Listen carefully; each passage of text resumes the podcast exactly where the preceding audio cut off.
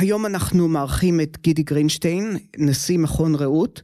איתו נדבר על היחסים עם ארצות הברית, כעת בעת המלחמה ולאחריה. ואולי אנחנו הולכים בסופו של תהליך לאיזשהו הסדר מדיני. נדבר על השפעות המלחמה על מערכת היחסים המורכבת של ישראל עם יהודי אמריקה, ולכל אלה נוסיף כמה וכמה תובנות מבחוץ על מה שקורה בישראל, כולל מחדל המלחמה בעזה וההשלכות שלה. תתפלאו, מניו יורק הכל נראה קצת אחרת. לי קוראים חיים אנדברקר ואת הפודקאסט הזה עורך גדעון ריקרדו. והנה אנחנו יוצאים לדרך.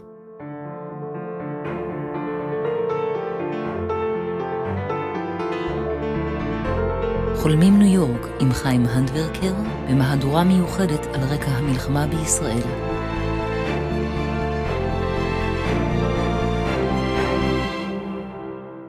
שלום גידי.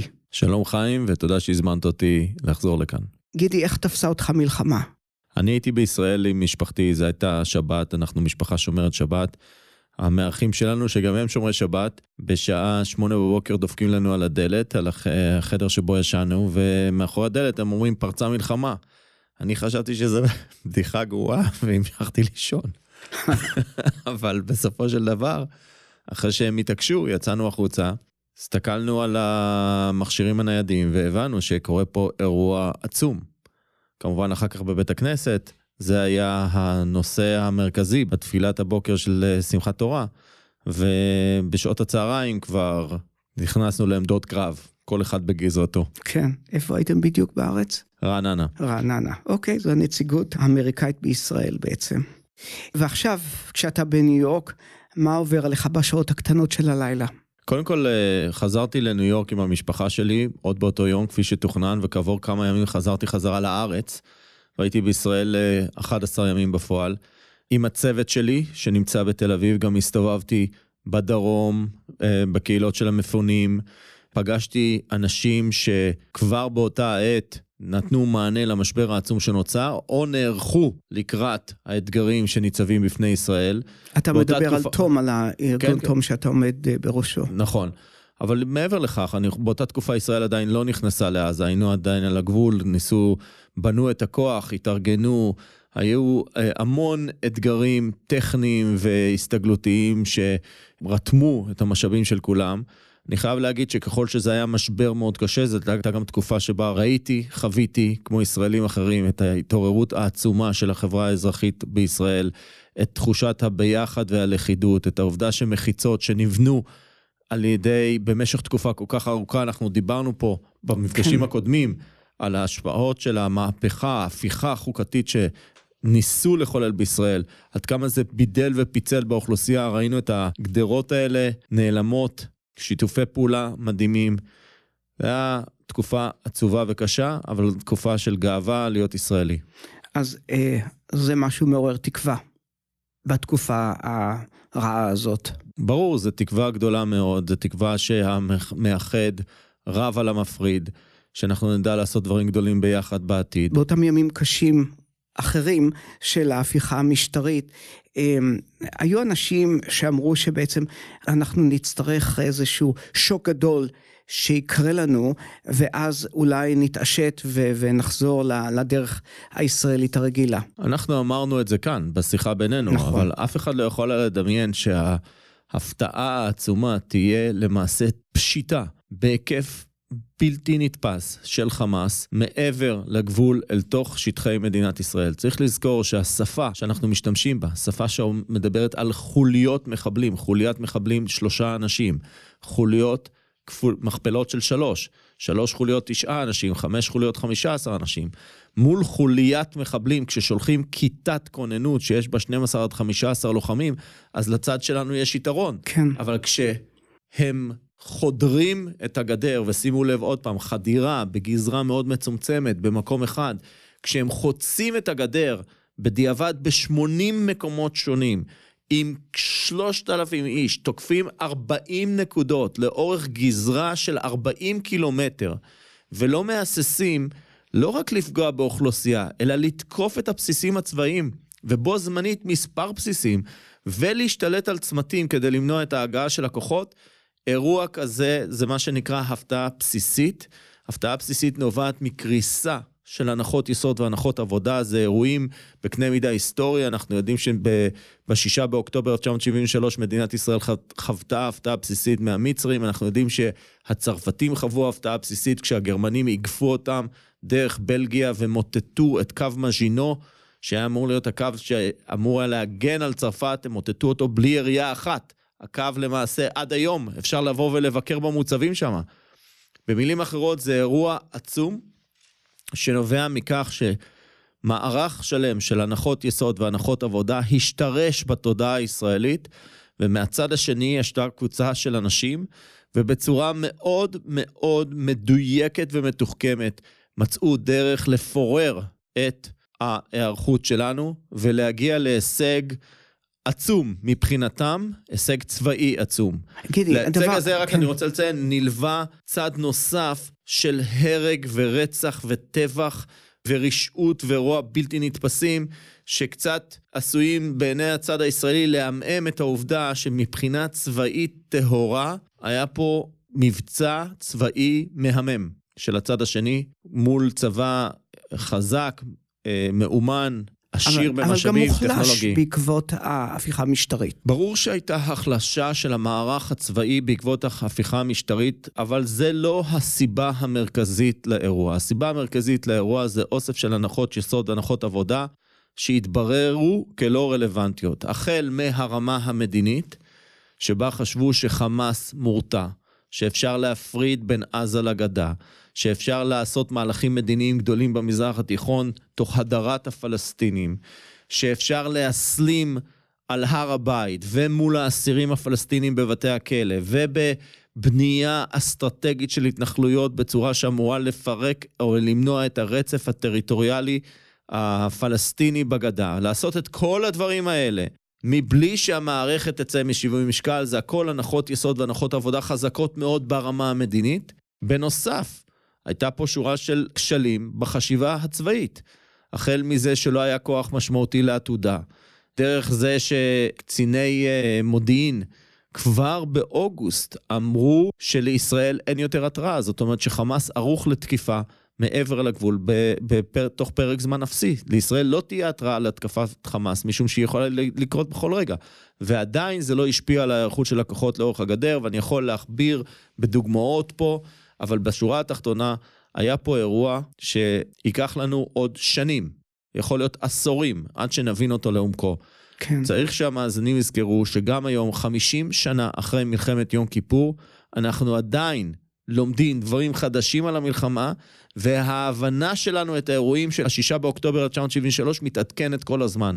אני צופה שזה גם יהיה המצב במקרה הזה. כן, תראה, אין שום ספק שאנחנו הופתענו כאן.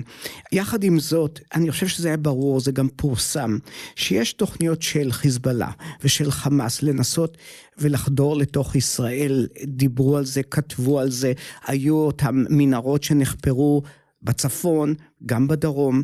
זאת אומרת, הרעיון הזה לא היה אה, out of uh, possibility, זאת אומרת, זו הייתה אפשרות שיש דבר כזה. דיברו על זה. נכון. אנחנו תמיד צריכים לזכור שזה שיש לאויב או ליריב יכולות, זה לא אומר שהוא ישתמש ביכולות האלה. גם לנו במדינת ישראל יש יכולות ואנחנו לא תמיד משתמשים בהן. זאת אומרת, מה שקורה זה שנוצר פה מפגש בין יכולות שנבנו על ידי חמאס בעזה, להערכתי במשך כשנתיים, נדבך על נדבך, עם החלטה פוליטית לממש את המהלך הזה. אולי שווה לשתף את המאזינים שאני פיתחתי סוג של התמחות בכל הנושא של הפתעות בסיסיות.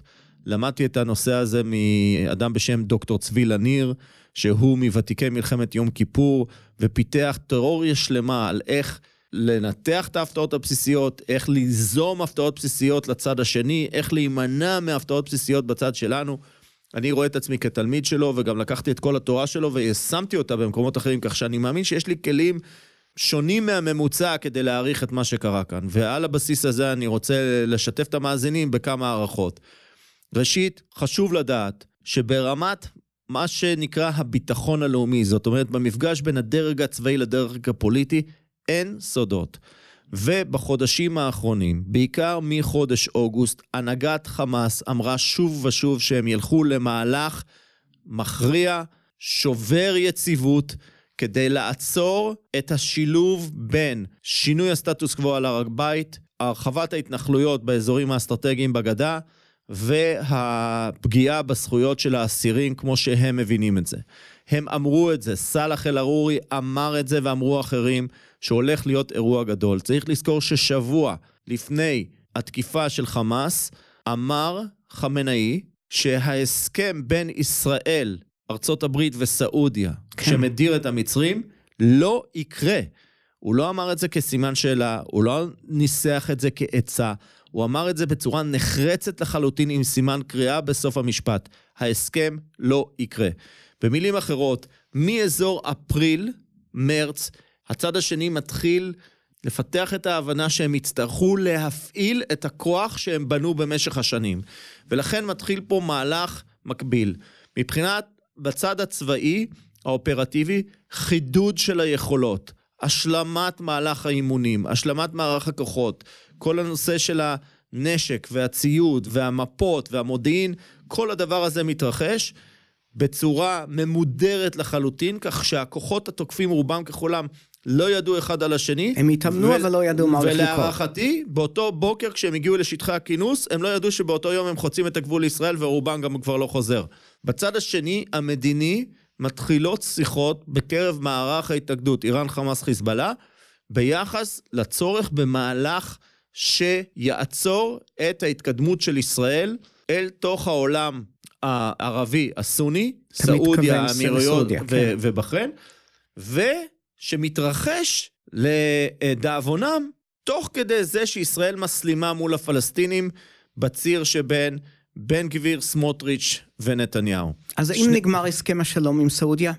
להערכתי לא, יש פה אינטרסים מאוד חזקים שמחזיקים את ההסכם הזה באוויר. ברשותך, תכף נחזור לזה. אוקיי. Okay. אבל בציר הזמנים, להערכתי, מאפריל מאי, מרץ, הם מתחילים לדבר על מהלך שישנה את התמונה. באוגוסט יש פגישה בביירות ששם הם מחליטים שיהיה מהלך כזה מבלי להיכנס לפרטים. ככל שאני יכול לשפוט מכל מה שקראתי, באזור ה-1-2 באוקטובר מתקבלת ההחלטה ללכת למתקפה צבאית. למיטב הבנתי, רוב הנהגת חמאס לא הייתה מעורבת בהחלטה הזו, זאת אומרת, הם כן נתנו גיבוי למהלך משנה מציאות, אבל לא לתקיפה הספציפית כמו שהיא התבצעה, והם גם לא ידעו שהיא תגיע. ורוב הלוחמים, הטרוריסטים, גם כן לא ידעו. זאת אומרת, בסופו של דבר, היציאה למהלך הצבאי התקבלה בהחלטה בקבוצה קטנה מאוד, ואנחנו היום יודעים בדיעבד שגם האיראנים, למרות שהם לא נתנו לא את ברכתם לכיוון הכללי, הם לא ידעו על הכיוון הספציפי. וגם חיזבאללה הם טוענים גם חיזבאללה לא ידעו. כן. עכשיו, בתמונה הרחבה, מה שקורה כאן, זה שיש פה עימות והתנגשות בין שני מערכים של בריתות. מצד אחד, רוסיה, סין, איראן, על שלוחותיה באזור, כולל סוריה, בסוריה, בלבנון, בתימן ובמקומות אחרים. ומן הצד השני, כשלאיראן יש שאיפות הגמוניות באזור של המפרץ הפרסי וגם במזרח התיכון, כשאנחנו מדברים על שאיפה הגמונית, הרעיון הוא שהכל, אני אומר בשפה מאוד פשוטה, הכל חייב לעבור דרך טהרן. אם טהרן לא רוצה שמשהו יקרה, אז הוא לא קורה. אם הם רוצים שדברים יקרו, הם יכולים לגרום להם לקרות רק בזכות כוח הרצון, כוח האמירה. אבל זה למעשה היכולת ההגמונית שאיראן מנסה לפתח באזור. וממול מתפתח ציר אחר, שהוא הציר שכולל את ארצות הברית, את המדינות המערביות, את ישראל, את הסעודים, את בחריין, את האמירויות, שהוא הציר פרו-מערבי. זאת אומרת, יש פה התנגשות בין שני צירים. האם הציר הזה הולך ומתפורע בעצם? הציר, לא, לא, לא. הציר האמריקאי-ישראלי-סעודי עמד לפני פריצת דרך בברית הגנה בין סעודיה לארצות הברית, שהאמריקאים, לדעתי בטעות, חשבו, או הסעודים, לדעתי בטעות חשבו שהם חייבים גם להביא הסכם נורמליזציה עם ישראל כדי לקבל את התמיכה של ארצות הברית. זאת אומרת, שישראל היא איזה מין רגל שלישית בברית ההגנה האסטרטגית, שזה הדבר המרכזי בין סעודיה לבין האמריקאים. את המהלך הזה האיראנים מנסים לפרק. כן. הביטוי הזה לא מתאים, אבל הוא עשוי לבטא את הרעיון. חמאס הוא ה-useful idiots, הם ה-expandables, הם אלה שאפשר לבזבז אותם עזה והאוכלוסייה שמה, זה מבחינת האיראנים, שהם בהיבט הזה הם אכזריים וחסרי כל uh, מצפון, זה האוכלוסייה שאפשר להקריב תחת מכבשי הצבא, מכבש הצבא הישראלי, ובאמצעות ההקרבה הזו, לחסום את המהלך מול סעודיה. כן, אתה מתאר הרבה מאוד תהליכים כאן, ואנחנו היינו עסוקים באותה עת בהפיכה משפטית. ברור. זה הדבר הטרגי שקרה כאן. נבחר ראש ממשלה שסיפר לציבור הישראלי ולעולם שהאתגר המרכזי שניצב בפני מדינת ישראל זה ההתגרענות של איראן. ההזדמנות הגדולה שניצבת בפני מדינת ישראל זה מערך היחסים והבריתות המתהווה מול מדינות הסכמי אברהם, מרוקו, אמירויות, בחריין וסעודיה. ודקה אחרי שהוא נבחר, מוציא לדרך מהלך ששואב את תשומת הלב, שואב את האנרגיה, שואב את המשאבים של ההנהגה הישראלית, וכשאני מדבר על ההנהגה, אני לא מדבר רק על הפוליטיקאים, אני מדבר על המגזר העסקי, על המגזר הציבורי, על מערך העמותות. עשרות אלפי ישראלים, שהדבר המרכזי שהם עשו ב-2023 היה להתעסק במהפכה המשפטית. רעש מיותר, הסחת דעת, הסתה של קבוצות בתוך החברה הישראלית. ואל תוך הדבר הזה נשאב הצבא. עכשיו, הצבא זה מערכת היררכית, כמו שאנחנו יודעים, וכמעט כל דבר בצבא, הרמטכ"ל יכול להעביר לדרגים שמתחתיו. אישור תוכניות, ניהול על מבצעים, נושאים של כוח אדם, נושאים של תקציב, בדיקת מוכנות. יש דבר אחד שהרמטכ"ל לא יכול להעביר לדרגים שמתחתיו, אפילו לא לסגן הרמטכ"ל או לאף אלוף אחר.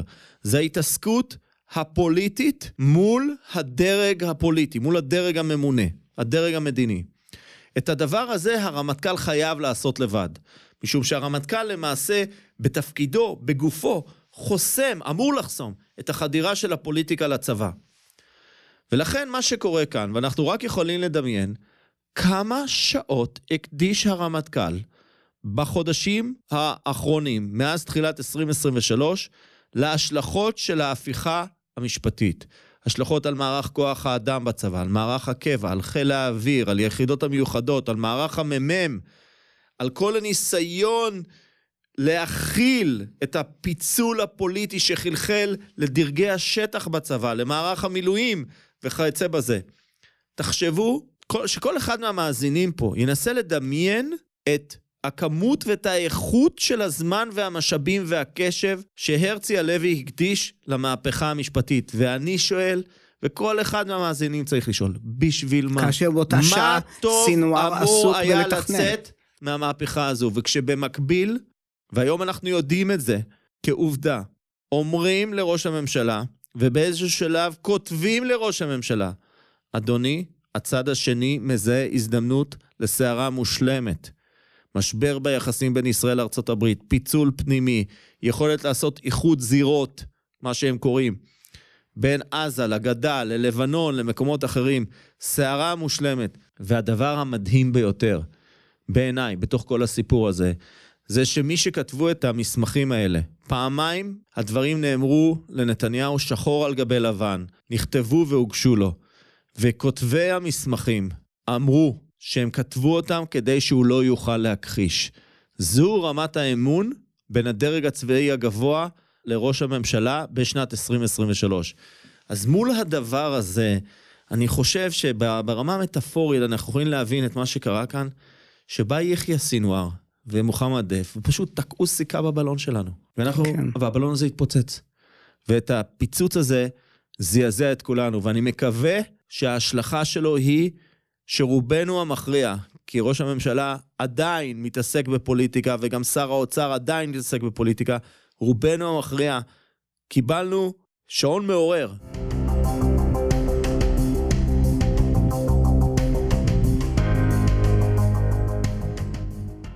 האם ההפיכה המשפטית נגמרה, אתה חושב? אני חושב שמערכות חוקתיות צריכות להתפתח ולהשתנות. אבל מטבע הדברים, המערכת החוקתית, שהיא למעשה מערכת ההפעלה של החברה, ה-operating system של החברה, החברה במובן society, היא צריכה להשתנות בצורה שמרנית. כשאני מדבר שמרנית, אני לא מדבר על הצד השמרני בפוליטיקה. אני מדבר בצורה שמרנית, זאת אומרת לאט. להבדיל מתחומים אחרים בחברה, שמשתנים מהר... השאלה שלי אחרת, האם המערכת- כאשר המלחמה נגמרת, האם אנחנו חוזרים לאותו, לאותה נקודה אין- לפני כן? אני לא רואה תרחיש שבו אנחנו חוזרים להצעות שהיו מונחות על השולחן עד השישה באוקטובר 2023. אני לא רואה תרחיש כזה. מצד שני, מי שחושב שנכון להקפיא מצב במערכת החוקתית של מדינת ישראל, או כל מדינה אחרת, טועה טעות מרה. מערכת חוקתית בריאה היא מערכת שמתפתחת ומשתנה בהתאם לזמן ולנסיבות. אבל השינוי צריך להיות איטי, ובאופן עקרוני הוא צריך להיות גם בהסכמה רחבה. האם ביבי יישאר ראש ממשלה, אתה חושב? אני מקווה שלא. אני מה, חושב, מה הולך לקרות בעניין הזה? אני לא יודע בדיוק מה יהיה התרחיש הפוליטי שיביא לסיום כהונתו של ראש הממשלה, אבל אני חושב שברור שיש פה שילוב של כישלון אישי מהדהד היסטורי בקנה מידה שאין לו אח ורע כמעט ב- ב- בתולדות העם היהודי, או בטח ולא בהיסטוריה של מדינת ישראל, ברמת ראש ממשלה, עם שחיתות קשה מאוד, התנהלות מושחתת ברמה האישית, ומאז שהתחיל המשבר, מאז השבעה באוקטובר, אנחנו רואים חוסר יכולת של ראש הממשלה לקבל את ההחלטות הנדרשות לצורך הצלחה במלחמה. אני מדבר בשלוש זירות. הדבר הראשון, הזירה הראשונה זה הזירה המדינית מול האמריקאים בכל מה שקשור למה שנקרא היום שאחרי. הדבר השני זה ההחלטות הכלכליות הנדרשות כדי לספוג את גלי ההדף הכלכליים של האירוע הזה ולמעשה לשמור את המשק על המסילה, על הפסים. והדבר השלישי זה בכל מה שקשור לניהול העסקה של האסירים, העסקאות של האסירים. ברור לנו ששחרור החיילים יהיה כרוך בעסקה כואבת מאוד שתכלול שחרור מחבלים מהחמאס.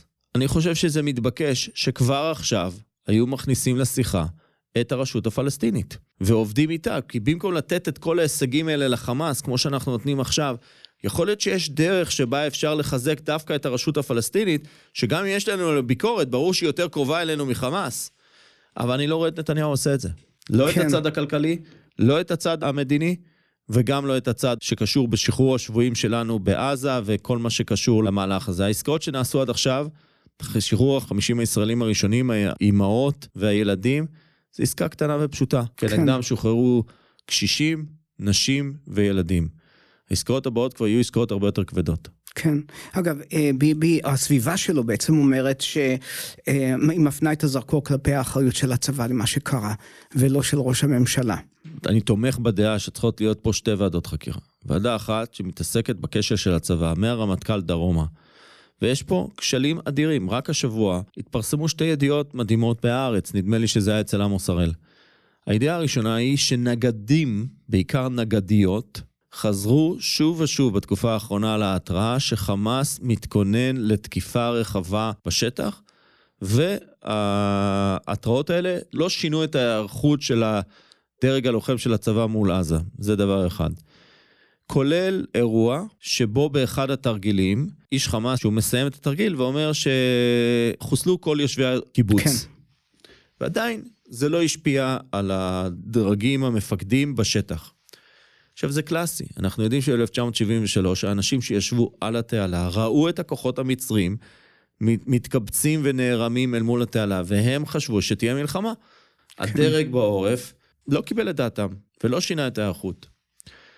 הדוגמה השנייה שניתנה היא בכל מה שקשור להערכת המצב שהתבצעה בלילה, חמש שעות לפני החצייה של הגבול, שבמסגרתה כנראה יושבים ראש שב"כ ורמטכ"ל וסגן רמטכ"ל וחבר'ה כאלה. בעקבות ההערכה הזו, צוות טקילה, שזה צוות כנראה ההתערבות של השב"כ, נשלח לדרום, אבל לא מרימים טלפון ולא מעדכנים את מפקד חיל האוויר. עכשיו נניח שהיו מעדכנים את מפקד חיל האוויר, נדמה לי שחיל האוויר החזיק שני מסקרים, מסוקי קרב בכוננות ברמת דוד, לכן לקח להם כ-40 דקות, 45 דקות להגיע לקו המגע עם, אה, עם עזה, אבל נניח שחיל האוויר היה מעלה את הכוננות שלו לשישה זוגות, והם היו מוקפצים בשעה שש וחצי לגבול, ובמקום 3,000 איש, רק 500 איש היו חוצים את הגבול. ובמקום 1,400 הרוגים בצד שלנו, היו רק 140 הרוגים. אף אחד מאיתנו, אחד, לא יכול לדמיין איך נראה עולם שבו יש 1,400 הרוגים, כי אין כותרות כן. לאסון שנמנע. ועדיין היינו חושבים ש-140 הרוגים זה זה אסון האסון גדול. הטרוריסטי הכי גדול שהתרחש במדינת ישראל מזה שנים רבות. במילים אחרות, ברגע שחמאס החליט ללכת על הפשיטה הזו, להערכתי, כמו שאמרתי, זה קרה בכחמישה, שישה, שבעה ימים לפני כן, לא היה מה שיכול היה לעצור את האירוע הזה. כן. אה, בתוכניות הקודמות שלנו דיברנו על השלום, עכשיו כמעט ולא מדברים בישראל על שלום. מי שהיה בשמאל אומר שהוא התפכח ועבר מרכזה, אולי אפילו יותר מזה. אז, אה, אז זהו זה, נגמר. אני חושב שמי שדמיין שלום כאיזה מין מצב אוטופי שבו גר זאב עם כבש, לא צריך להחזיק צבא, אפשר להפסיק את שירות החובה אה, וכיוצא בזה, אולי הוא או היא יתפכחו. אני, כמישהו שהיה מעורב בתהליך המדיני, מה שנקרא תהליך השלום, במשך כל השנים, אני לא חוויתי את ההתפכחות הזו מסיבה אחת פשוטה. אני טוען שישראלים ופלסטינים לא רוצים להיות בחברה אחת. אנחנו בסופו של דבר צריכים להיפרד מהפלסטינים.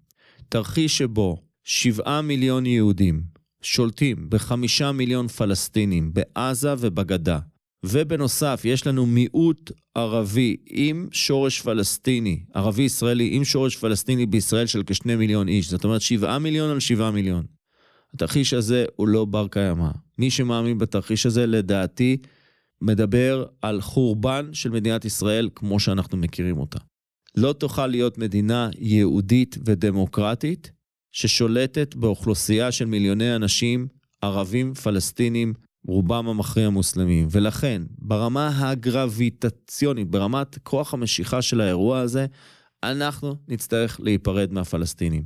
העולם לא ייתן לנו גיבוי, ארה"ב לא תיתן לנו גיבוי. די בזה שאנחנו רואים מה קורה עכשיו באוניברסיטאות. דמיינו איך יראו האוניברסיטאות בארצות הברית, ובכלל כל העולם התרבותי, אומנותי, האקדמאי מחוץ לישראל, במצב שבו ישראל באה ואומרת, אנחנו שולטים בפלסטינים לנצח. זה מצב הקבע. מצב הקבע זה השליטה בפלסטינים.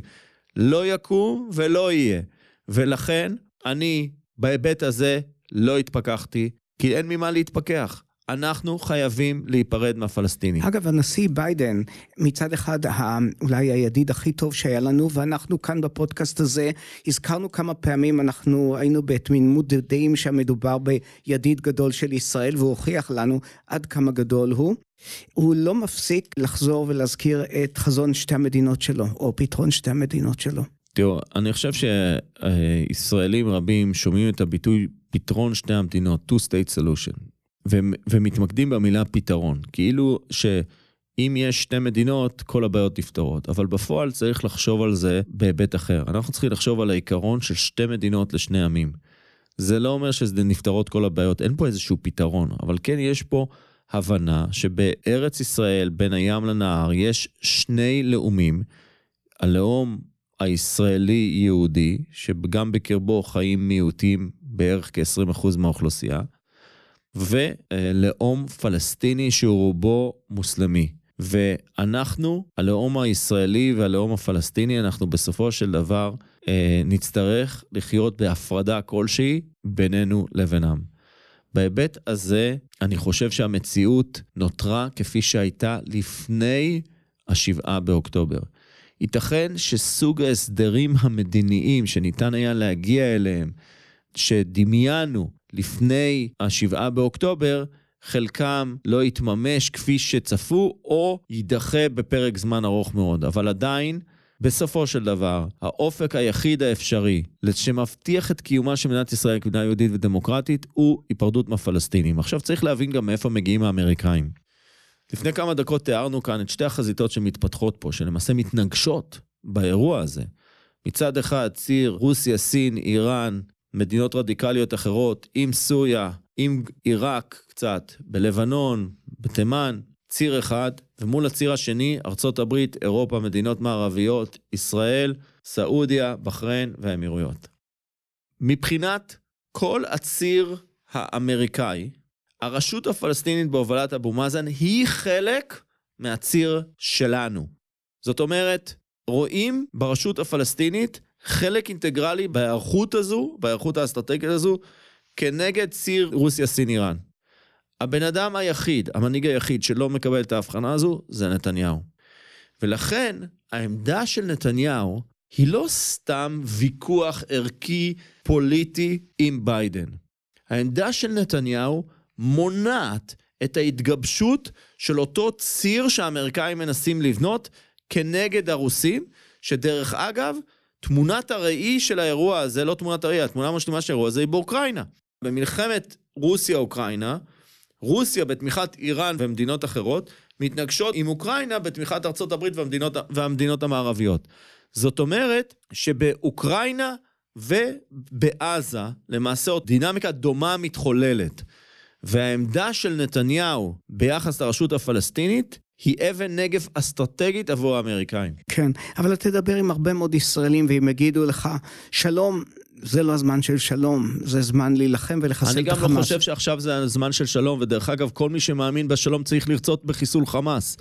חמאס הוא אויב של השלום. חמאס הוא לא רק אויב של ישראל, חמאס הוא אויב של הפלסטיני שרוצה לחיות תחת גפנו ותחת תאנתו, פלסטיני שרוצה לחיות בשלום, שרוצה לעבוד בישראל.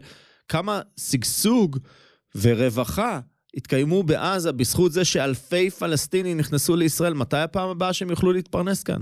כן. יש כאלה שאומרים שפלסטיני שעבד בישראל התפרנס פי עשר ופי עשרים יותר ממי שעבד בעזה. תחשבו איזה אסון התרחש לעזתים, לעזתים רגילים כתוצאה מהאירוע הזה. ואנחנו יודעים שבסופו של דבר ההחלטה ללכת למלחמה לא התקבלה בצורה דמוקרטית. קבוצה קטנה מאוד של אנשים החליטה ללכת למהלך הזה.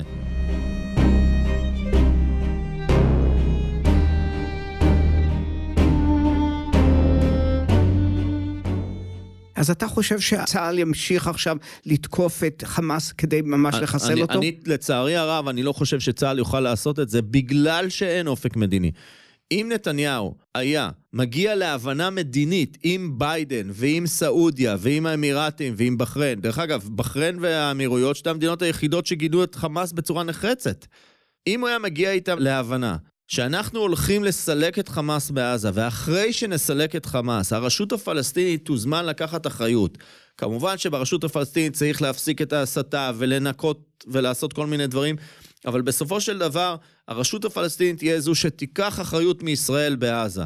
עזה והגדה יהיו ישות פוליטית אחת, וניכנס לתהליך, גם אם הוא יהיה ארוך, שבסופו של דבר נגיע לתרחיש שבו יש שתי מדינות לשני עמים, אם נתניהו היה מסוגל להגיע להבנות המדיניות האלה, אז מה שהיה קורה זה שלישראל היה יותר זמן, יותר לגיטימציה ויותר כסף לעשות את מה שצריך לעשות בעזה. אבל בגלל שנתניהו לא מוכן להגיד את האמירות האלה, אין לנו את הלגיטימציה, ולדעתי, גם לא יהיה לנו את הכסף. כן. עכשיו, מה זה אומר שלא יהיה לנו את הכסף? האמריקאים עדיין ייתנו לנו סיוע, סיוע במיליארדי דולרים. אבל בסוף המלחמה, אנחנו נהיה אחראים בעזה. השטחים שאנחנו נשלוט בעזה הם יהיו באחריותנו.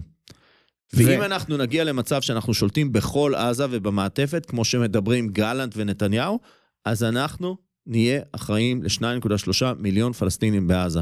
וזה יהיה זה אסון. זה כאב, כאב ראש לא קטן, אסון הומניטרי בעצם. אז איך זה. מה, איך זה יתפתח אם אכן זה יקרה? להערכתי אנחנו לא נגיע לשם, לא בגלל שנתניהו וגלנט לא רוצים, אלא פשוט משום שמערך הכוחות הבינלאומיים והדינמיקה הבינלאומית תעצור אותנו. כבר היום הלחץ על ישראל הוא מאוד גדול. צריך לזכור את הסתירות הפנימיות בהתנהלות של ישראל. מצד אחד, רוצים להשמיד את חמאס ולמוטט אותו, ומצד שני, מנהלים משא ומתן מול חמאס כדי להביא את החטופים ואת השבויים, האזרחים והחיילים. סתירה פנימית אחת. הסתירה הפנימית השנייה זה שאנחנו אומרים, אנחנו רוצים להשתלט על עזה, אמר נתניהו לשלוט במעטפת, אבל אנחנו לא רוצים להיות אחראים לאוכלוסייה הפלסטינית. אנחנו מצפים שסעודיה וקטר והאמירויות יבנו מחדש את עזה, כשהם אומרים לנו שוב ושוב ושוב, בלי אופק מדיני, אנחנו לא נממן את השיקום של עזה. אתם שברתם? מה איך שאומרים באמריקה? You broke it, you own it. כן. אגב, גם מה שקורה עכשיו ביהודה ושומרון, כאשר אה, מתנחלים עושים שמות פה ושם בפלסטינים, זה מעורר רוגז בממשל האמריקאי. בסופו של דבר, הפעולות האלה יכולות להביא ללחץ הרבה יותר גדול על ישראל לוותר על יהודה ושומרון. זה נכון שמה שקורה ביהודה ושומרון מאוד מדאיג את האמריקאים, אבל אני חושב שזה יותר מכך, זה צריך להדאיג את הישראלים. תופעות של אובדן של שלטון חוק בשטחים שנמצאים תחת שליטתה של מדינה, זה תופעות מדאיגות מאוד. הנשק הזה בסוף שמופנה מול הפלסטינים, יום אחד יופנה מול כוחות אכיפת החוק, או מול ישראלים אחרים. כן. קטאר היא היום המתווכת הראשית בנושא של השבויים. אמ, האם היא אויבת או ידידה קרה?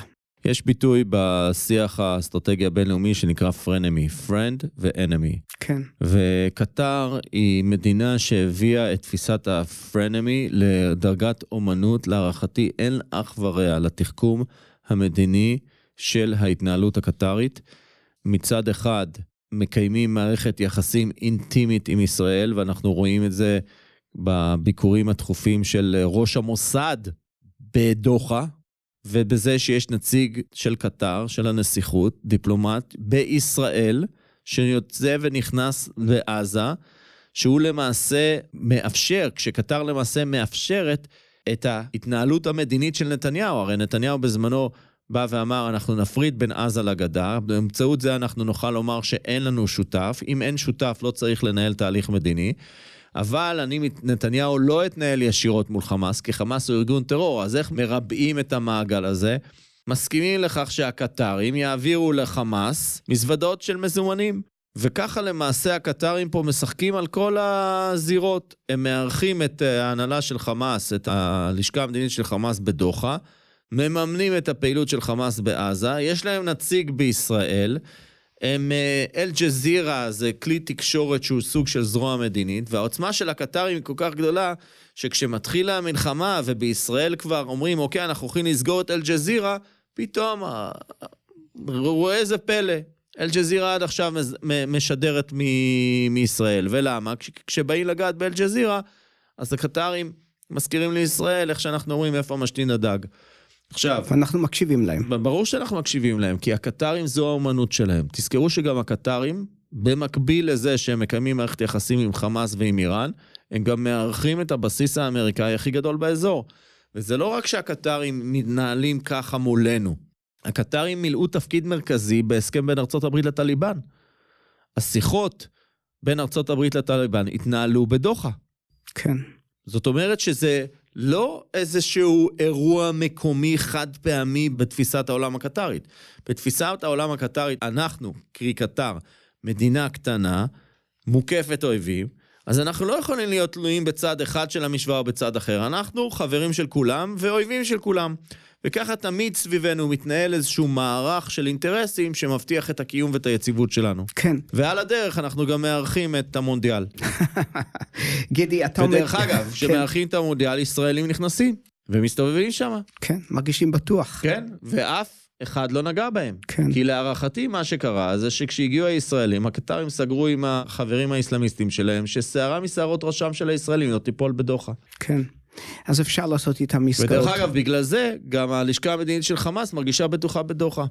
וכל הדיבורים של אה, נתניהו על זה שאני וחבריו הם בני מוות, יכול להיות שהם בני מוות. בדוחה, הם יכולים ללכת לקניות בשקט. כן. מעניין. אה, גידי, אתה עומד בראש מכון רעות, אה, מכון מחקר שעושה... זה כמובן הערכותיי, כן? אני... בוודאי, אבל אני חושב בוודאי. שהמאזינים מבינים מאיפה אני מגיע, ובוא כן. נגיד שכולנו פה נופתע אם יתברר שישראל הורידה את הנייה בדוחה. כן. זו תהיה הפתעה גדולה מאוד. כן. ההתמחות שלך זה הקשר גם בין ישראל לבין יהדות ארצות הברית. מה עשתה מלחמה ליהדות ארצות הברית? אם אפשר להשתמש במושג כל כך רחב. כמובן, כמובן שהאירוע הזה הוא... אני מדבר על הטבח של השבעה באוקטובר והמלחמה בין ישראל לחמאס מאז, זה, זה הפתעה בסיסית גם ליהודי ארצות הברית, זה שינוי יסודי ועמוק. כמובן שמאוד מוקדם להעריך את ההשלכות שלו, אבל אני חושב שכן אפשר להצביע על כמה דברים מאוד ברורים. ראשית, ישראל נכנסה למשבר ארוך ומתמשך. זאת אומרת, שככל שההובלה בעולם היהודי היא יחסית, אז ישראל לקחה צעד אחורה ויהודי ארצות הברית צריכים לקחת צעד קדימה. הדבר השני זה שהאירוע הזה פוגש את יהדות ארצות הברית אחרי שנים, לפחות מאז 2016, של חיכוך מתמיד מול ההנהגה הישראלית. ב-2016 היה הנאום של נתניהו בקונגרס, אחר כך הייתה ביטול פשרת הכותל ב-2017, ועוד שורה שלמה של אירועים שלמעשה מרחיקה את ההנהגה הישראלית מההנהגה של יהודי ארצות הברית. אני אציין שני ראשי הממשלה שהרגישו קרבה להנהגה של יהדות ארצות הברית זה לפיד ובנט, בנט, ומי שבאמת הבין את מה שקורה כאן זה בנט, וזה לזכותו ייאמר. אבל עדיין, גם בנט לשיטתו, כשהוא מדבר על יהדות ארצות הברית, הוא מדבר על להציל את יהודי ארצות הברית למעשה מעצמם. זאת אומרת, למנוע את ההתבוללות ואת נישואי התערובת. כשבפועל אנחנו יודעים שיש קיום יהודי רציף בגולה 2,500 שנה. הלוואי שיכולנו להגיד את זה על הקיום הריבוני בארץ ישראל. קיום הריבוני בארץ ישראל, לדעתי, בהגדרתו הרחבה לא נמשך יותר מ-130-150 שנה. בגולה, 2,500 שנה. לכן, אני חושב שנכון לנו הישראלים, לציונים, שיהיה לנו איזו מידה של אה, צניעות כשאנחנו מדברים על החוסן של יהודי הגולה. אני חושב שאחד הדברים המעטים שאפשר להגיד על הקיום האנושי בעוד 500 שנה זה שיהיו יהודים שידליקו נרות שבת. לא בטוח שתהיה יהיה איחוד אירופאי, לא בטוח שרוסיה תהיה כמו שהיא היום, לא בטוח שרוב המדינות שקיימות היום על פני כדור הארץ יהיו בעוד 500 שנה, אבל יהודים ידליקו נרות שבת בעוד 500 שנה. אז וזה... כדאי להשקיע במפעלים לנרות. מפעלים לנרות עוד... יכול להיות. אבל כל מה שאני רוצה להגיד זה שזה זמנה של יהדות ארצות הברית לחשוב על עצמה ולהתנהל כגולה הגדולה של זמננו, the great diaspora of our time. זה אומר, קודם כל ברמת התודעה, להבין שיש פה, במונחים של היסטוריה יהודית, יהדות ארצות הברית היא אירוע היסטורי מבחינת העוצמה, ההשפעה, המשאבים, היכולות. הבנות שלי אה, הולכות פה לבית ספר, אחד הבתי הספר היהודים המובילים באזור ניו יורק, החשובים ביותר. הן תסיימנה את התיכון מבלי לדעת כלום, כלום על יהדות ארצות הברית. מתי היהודים הגיעו לכאן? לפני 40 שנה או 400 שנה? אם יש פה 5,000 יהודים או 5 מיליון יהודים? שום דבר. הם תדענה על השואה, הם תדענה על פולין, הם תדענה על אירופה, כן. הם תדענה על ישראל, לא על יהדות ארצות הברית. עכשיו, אני נותן את זה רק כדוגמה אחת ואני יכול לתת דוגמאות נוספות. קהילה שלא מחנכת את צעיריה על ההיסטוריה שלה עצמה, היא קהילה שאין לה כבוד עצמי בעיניי. ואני חושב שאחד הדברים שצריכים לקרות כאן, זה שיהודי ארצות הברית צריכים להעמד, להבין את תפקידם ההיסטורי, לחנך את הדור הבא. לא להאזין למנהיגים הישראלים. אז זה כן, לדעת לעמוד מול, ה, מול ההתנשאות, שהיא הרבה פעמים משולבת בבורות שהגיעה מישראל, לבוא ולהגיד, אנחנו הגולה הגדולה של זמננו, יש לנו מורשת ויש לנו ייעוד. דבר השני, אנחנו צריכים פה צריר של מנהיגות. מנהיגות יהודית שהיא מאמינה באותו, אותה מורשת ואותו ייעוד של יהדות ארצות הברית פה. אנחנו צריכים כמובן לבנות מערך שלם של קשרים עם מיעוטים אחרים בארצות הברית. אני חושב שהאירוע של השבעה באוקטובר חשף את כל האנטישמים שהתחבאו בארון. חלקם אנחנו הכרנו עוד לפני כן, ושם לא היו הפתעות.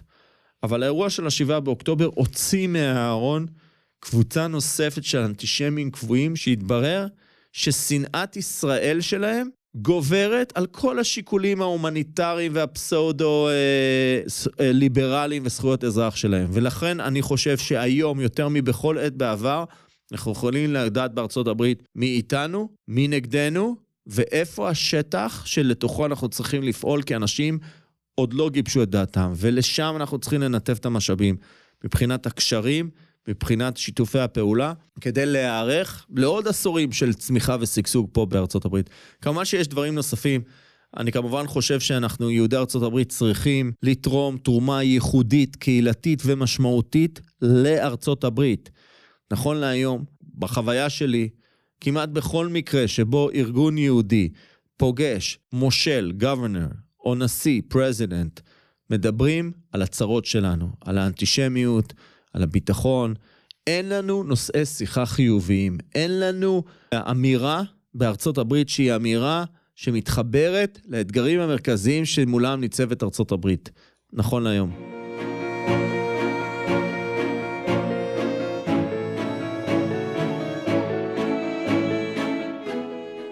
גידי, אני גיליתי משהו מאוד מעניין אחרי השבעה באוקטובר. כמו שדיברנו בפודקאסטים קודמים, התפתח ניכור בין יהדות ארצות הברית לבין ישראל, או יותר נכון בין ישראל לבין יהדות ארצות הברית.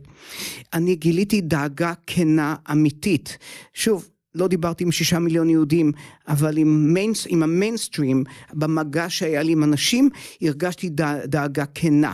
אני חושב שזה היה רגע מופלא של התפוצצות של העמיות, הפיפולהוד היהודית, וההוכחה הניצחת לכך בעיניי הוא שגויסו פה כמעט מיליארד דולר לטובת ישראל והועברו מאות מיליונים, וזה כשיהודי ארצות הברית יודעים מצוין שבמקביל ממשלת ישראל מעבירה סכומים בסדר גודל דומה בתקציבים פוליטיים לכל מיני משרדי ממשלה מיותרים. לכל מיני אוכלוסיות שהתמיכה בהן היא מבוססת על שיקולים פוליטיים ולא על דברים ענייניים שנדרשים לניצחון במלחמה הזו. ובכל זאת הם מעבירים את הכסף והם לא פוצעים פה. אני לא מכיר אף התבטאות של אף מנהיג יהודי בארצות הברית שבא ואמר, רגע חבר'ה, אנחנו לא מעבירים את הכסף לאחים ואחיות, או לאחים לנשק, או לאיזה עמותה אחרת, בגלל שבמקביל ממשלת ישראל מבזבזת במשרד המורשת, או במשרד לענייני ירושלים, או במשרד לענייני מודיעין, אה, את הכספים. אף אחד לא אמר את זה, ובעיניי זה, זה היה מופע של עמיות צרופה, מזוקקת, ערבות הדדית, בצורה העמוקה והעשירה והנדיבה ביותר של הרעיון הזה. כן, אני יכול להגיד לך שכאשר אני הולך ברחוב ואני פוגש אנשים שאני מכיר, יהודים, הם ניגשים אליי, אגב גם לא רק יהודים, ומביעים כאב על מה שמתרחש. נכון. זו תופעה שהיא אה, מחממת את הלב. הפעם אבל... היחידה שבה הצוות שעובד בבניין שבו אני גר, דיבר איתי על משהו שקשור לפוליטיקה, היה בעקבות האירוע הזה.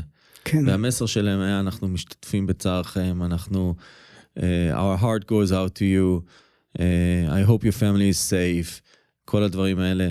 זה, זה אנשים שהם, uh, הם, אנחנו כולנו יודעים עד כמה האנשים האלה שעובדים איתנו, או עבורנו, או בבניינים שאנחנו גרים בהם, או במקומות אחרים, נזהרים מלחצות את הקו של האישי, של הפוליטי, ואחרי השבעה באוקטובר, זה הגיע כמעט בכל מקום.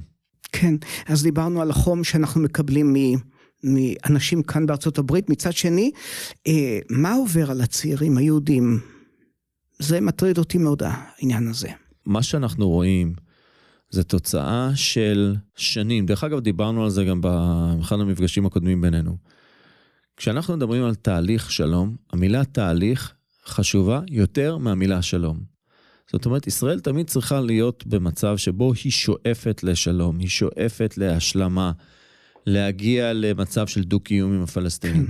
בשנים האחרונות זה לא היה המצב. למעשה, תחת נתניהו מ-2014, ישראל לא חותרת לשלום, ומדצמבר 2022, גם על זה דיברנו באחד המפגשים הקודמים, יש לנו למעשה ממשלה שבקווי היסוד שלה רוצה להכיל ריבונות בשטחי יהודה ושומרון על האוכלוסייה הפלסטינית מבלי לתת שוויון זכויות. במילים אחרות, נוצרה סתירה מובנית, בסיסית, בין הערכים ההומניטריים של צעירים יהודים לבין ההזדהות עם ישראל. ישראל נתפסת בעיני רבים כאיום על הערכים הליברליים וההומניסטיים שלהם.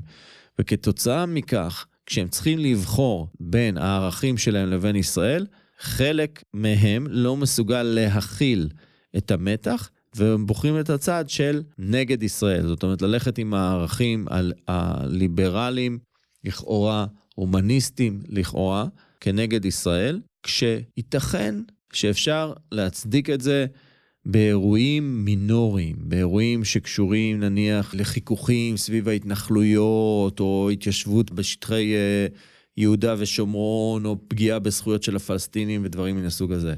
מה שאנחנו רואים כאן זה אירוע אחר לגמרי. זה בלבול ערכי עמוק, שבו התפיסה של הביקורת כלפי מדינת ישראל מובילה בצורה מפורשת או משתמעת להצדקה של מעשה רצח מזעזע בקנה מידה בינלאומי. זאת אומרת, בשעות ספורות חוסלו 1,400 איש, בשבע שעות. תחשבו על הקצב, על המספר הנרצחים, תחשבו מה היה קורה אם היה מתאפשר להם להמשיך לאשקלון, להמשיך לבאר שבע, להמשיך למקומות אחרים. נרצחו יהודים ולא יהודים, נרצחו בדואים, נרצחו מוסלמים. בקיצור, יש פה איזה בלבול עמוק של השמאל הרחוק של הקהילה היהודית. להערכתי, לשמאל הזה אין זכות קיום, הוא לא יהיה פה. תמיד אנחנו צריכים לזכור שברמה ההיסטורית, וגם כתבתי על זה בספר שלי, Flexibility, או סוד הקיום היהודי, Flexibility, Secret of Jewish Adaptability, מאז ומעולם, עוד בתורה, קיימת התופעה של, אני קראתי לה Anti-Jewish Jews. יהודים שיוצאים נגד העם שלהם ופועלים נגד הקהילה שלנו. וכאשר אני רואה אותם כאן בהפגנות, יש, אני מרגיש שנאה. כמו שדיברתי על החום, עמוקה, יש כאן שנאה. שמפחידה. שנאה עצמית, אבל צריך להבין, זה לא דבר חדש. זה קיים אלפי שנים. צריך לזכור שאנחנו כבר יודעים בתורה, משה רבנו, כשהוא גדל בארמון, הוא יוצא להסתובב והוא רואה שוטר מצרי, נוגש מצרי, שמכה עברי. לפי התורה הוא מסתכל מסביב, הוא לא רואה אף אחד. ואז הוא מגן על העברי, והוא הורג את המצרי, את השוטר המצרי שמכה אותו, ואז הוא קובר אותו. והנה כעבור פרק זמן קצר מאוד, אנחנו קוראים שמשה נאלץ לברוח. במילים אחרות, מי הלשין עליו? כן. הבן אדם היחיד שיכול היה להלשין עליו, לפי התורה, זה הבן אדם שאותו הוא הציל. וכך הלאה, אנחנו רואים בהיסטוריה היהודית, שמתוך העם שלנו קמים אויבים שלא מסוגלים להכיל את המורכבות של הקיום היהודית, והפתרון שלהם למצוקה האינטלקטואלית רגשית הזו, זה לצאת נגד העם היהודי. אנחנו גם יודעים שיהודים המירו דתם ושרתו באינקוויזיציה. עבדו באינקוויזיציה כנגד בני עמם. חלק מהקטגוריים הכי גדולים כנגד היהודים בתקופת האינקוויזיציה היו יהודים. ועוד אין ספור דוגמאות במהלך ההיסטוריה, כך שמבחינה היסטורית אין פה הפתעה. כן. אה, גידי, אה, אנחנו מתקרבים אט אט לבחירות. ביידן כנראה המועמד של המפלגה הדמוקרטית, וכנראה, אולי, אולי אה, טראמפ יהיה שוב המועמד הרפובליקני. אם טראמפ נבחר, איזה מין נשיא הוא- יהיה מהצ... מהבחינה הישראלית-יהודית? אני חושב שקדנציה שנייה של טראמפ היא קדנציה מסוכנת מאוד לארצות הברית ולעולם, וגם למדינת ישראל, מן הטעם הפשוט. הוא מגיע נחוש, האנשים סביבו כבר מבינים איך וושינגטון מתנהלת, הוא מגיע חדור רגשות אשם, הוא בן אדם קפריזי, הוא בן אדם בלתי צפוי, והשילוב של התכונות והדינמיקות האלה, עם הכוח העצום שיש למי שיושב בבית הלבן, הוא שילוב מסוכן מאוד. אני לא מדבר כרגע על מתח בין דמוקרטים לרפובליקנים, בין קונסר... שמרנים לליברלים. אני אדבר פשוט על המצב שבו נמצא בבית הלבן בן אדם אה, כועס, נקמן, עם כוח עצום ביד, הוא יכול להפעיל את הכוח הזה בהרבה מאוד כיוונים. צריך לזכור, הוא נחשב היה לנשיא מאוד חיובי כלפי ישראל. מצד אחד, זה נכון, הוא עשה דברים עצומים עבור מדינת אברהם. ישראל. הסכמי אברהם, העברת השגרירות לירושלים, הניסיון לדחוק החוצה את אונר"א, ויש עוד דברים באמת עצומים, אבל מנגד גם יוצאות לו מהפה לפעמים אמירות אנטישמיות ברמה העמוקה ביותר. לדוגמה, לפני מספר חודשים, הוא ייחס ליהודים נאמנות כפולה. הוא למעשה אמר, אני, הבן אדם שמנהל קמפיין על בסיס הסיסמה America First, אתם היהודים צריכים להצביע לי בגלל מה שאני עשיתי לישראל. במילים אחרות, יש פה 360 מיליון אמריקאים שצריכים להצביע America First, ולכן כל מי שחושב America First צריך להצביע לי, אבל אתם היהודים צריכים להצביע לי כי עבורכם זה Israel First. כן. ובגלל מה שעשיתי עבור ישראל, אתם צריכים להצביע לי. במילים אחרות, שיח מאוד חתרני וסמוי שמייחס ליהודים נאמנות כפולה. אה, ואני חושב שזה מאוד אה, מאוד אה, מדאיג. מקווה מאוד ש... בקדנציה הראשונה הבת שלו וה... וחתנו היו אלה שכנראה סייעו לו להתכוונן יותר באופן חיובי כלפי ישראל. עכשיו זה כבר לא יהיה קיים. אני, אי אפשר לדעת איך זה ית, יתממש. אני חושב, אני חושב שזה מדאיג שהסיבוב הנוכחי יהיה ביידן מול טראמפ. כן. אני רק רוצה לומר שאנחנו צריכים לזכור כיהודים, שמבחינה היסטורית לא הייתה מדינה שמבחינת הארכיטקטורה שלה והמבנה שלה, היא הייתה מתאימה להגן על הזכויות הבסיסיות, זכויות האזרח והזכויות הקהילתיות של יהודים כמו ארצות הברית, וזה מן הטעם הפשוט. ארצות הברית היא מדינה פדרלית. יש פה 50 states, שכל אחת מהן יש לה את הסמכויות הריבוניות, כמובן מוגבלות, שלה. יש פה עשרות כוחות משטרה. אין פה מערך אחד של אכיפת חוק שהנשיא נמצא בראשו, ואם אי פעם, חס וחלילה, יהיה בבית הלבן איזשהו נשיא אנטישמי, אז הוא יכול לתת הוראה וכל כוחות המשטרה בכל ארצות הברית מקשיבים לו. לא, זה לא עובד ככה. בארצות הברית יש 50 מדינות, יש מאות כוחות משטרה מקומיים, בכל מדינה כזו יש קונגרס בית נבחרים וסנאט מקומי. ולכן המערכת הזו, שהיא מערכת מבוזרת, היא מערכת שלמעשה נותנת ליהודים את ההגנה הטובה ביותר שאנחנו יכולים לקוות לה מול כל תרחיש. ואני לא אומר את זה חס וחלילה בהקשר של אולי טראמפ ייבחר. אני אומר את זה בהקשר של הראייה ההיסטורית של המקום של היהודים בארצות הברית, ושל המקום של ארצות הברית בהיסטוריה של היהודים. ולכן, בסופו של דבר, אני מאוד אופטימי ביחס לעתיד של יהדות ארצות הברית. אני חושב שימיה הטובים הם עוד לפניה. כן, ובאווירה אופטימית זאת, אה, תודה לך גידי שבאת אלינו שוב בפעם הרביעית והחכמת אותנו. תודה גם לכם המאזינים והמאזינות שהקשבתם. להתראות בפעם הבאה. חיים, תודה רבה שהזמנת אותי, תמיד שמח להיות כאן. כן, ודרך אתה- אגב, אנחנו מקליטים לפני חנוכה, שיהיה חנוכה שמח, שיהיה בשורות טובות. כן, להתראות. להתראות.